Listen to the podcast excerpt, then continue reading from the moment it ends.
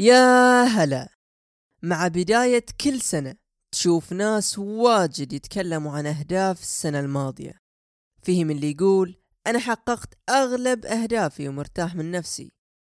وفيهم اللي متحبط ومو راضي عن نفسه لأنه حدد أهداف وما وصل حتى إلى واحد منهم. هذه قصة تتكرر سنويا إلى عدد كبير من الناس. أغلب الناس يحددوا أهداف بغض النظر يشتغلوا عشان يوصلوا لها ولا لا؟ وهنا يجي السؤال. هل نحتاج نحدد أهداف؟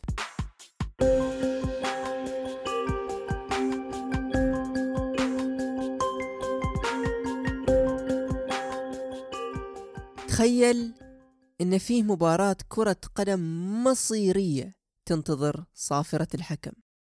وبيلعب فيها فريقين من أفضل الفرق العالمية واللي متصدرين الدوريات اللي يلعبوا فيها. وفي كل فريق لاعبين اجتهدوا وتمرنوا لسنوات طويلة عشان يوصلوا للمستوى اللي هم عليه بالإضافة إلى المحرك الأساسي للعبة الجمهور.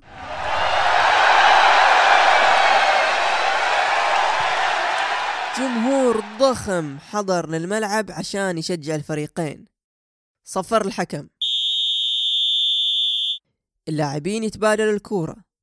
يخطفها الفريق الخصم. والحكم يراقب عشان يخالف اللي يغلط من اللاعبين. وعلى المدرجات الجمهور متوتر ومشدود أعصابه. ويبغى فريقه يتقدم على الفريق الثاني. فجأة هجمة مرتدة للفريق الأول. دخل اللاعب منطقة الجزاء. جهز نفسه عشان يسدد الكورة. لكن وقف اللاعب مكانه. متحير. كيف يسجل هدف؟ ما في شبك. ما في مرمى.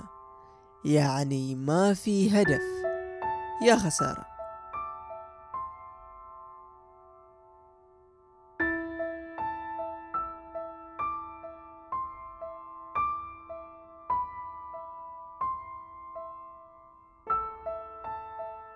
هذا حال أغلبنا في الحياة. ننام ونقعد نداوم ونأجز وما عنا مرمى يقول لنا وين نقدر نسجل هدف. المرمى أو الشبك في كرة القدم هي مثال للأهداف اللي نحددها في حياتنا. أما الأهداف اللي يسجلها اللاعب في الشبك فهي لحظة تحقيق الهدف اللي حددناه. معقد شوية؟ نعيدها مرة ثانية. المرمى أو الشبك. هي مثل الأهداف اللي نحددها في حياتنا. أما الأهداف اللي يسجلها اللاعب فهي لحظة تحقيق الهدف اللي حددناه. الأهداف مهمة لكل الناس مثل أهمية الشبك للاعب كرة القدم.